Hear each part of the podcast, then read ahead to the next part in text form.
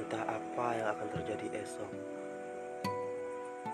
Ku tahu pasti ialah bahwa tak ada yang sia-sia, bahkan kehancuran. Pada sisa-sisa kehancuran lampau dan kini, kita temukan bibit-bibit masa depan. Puing-puing yang nanti jadi sajak peradaban.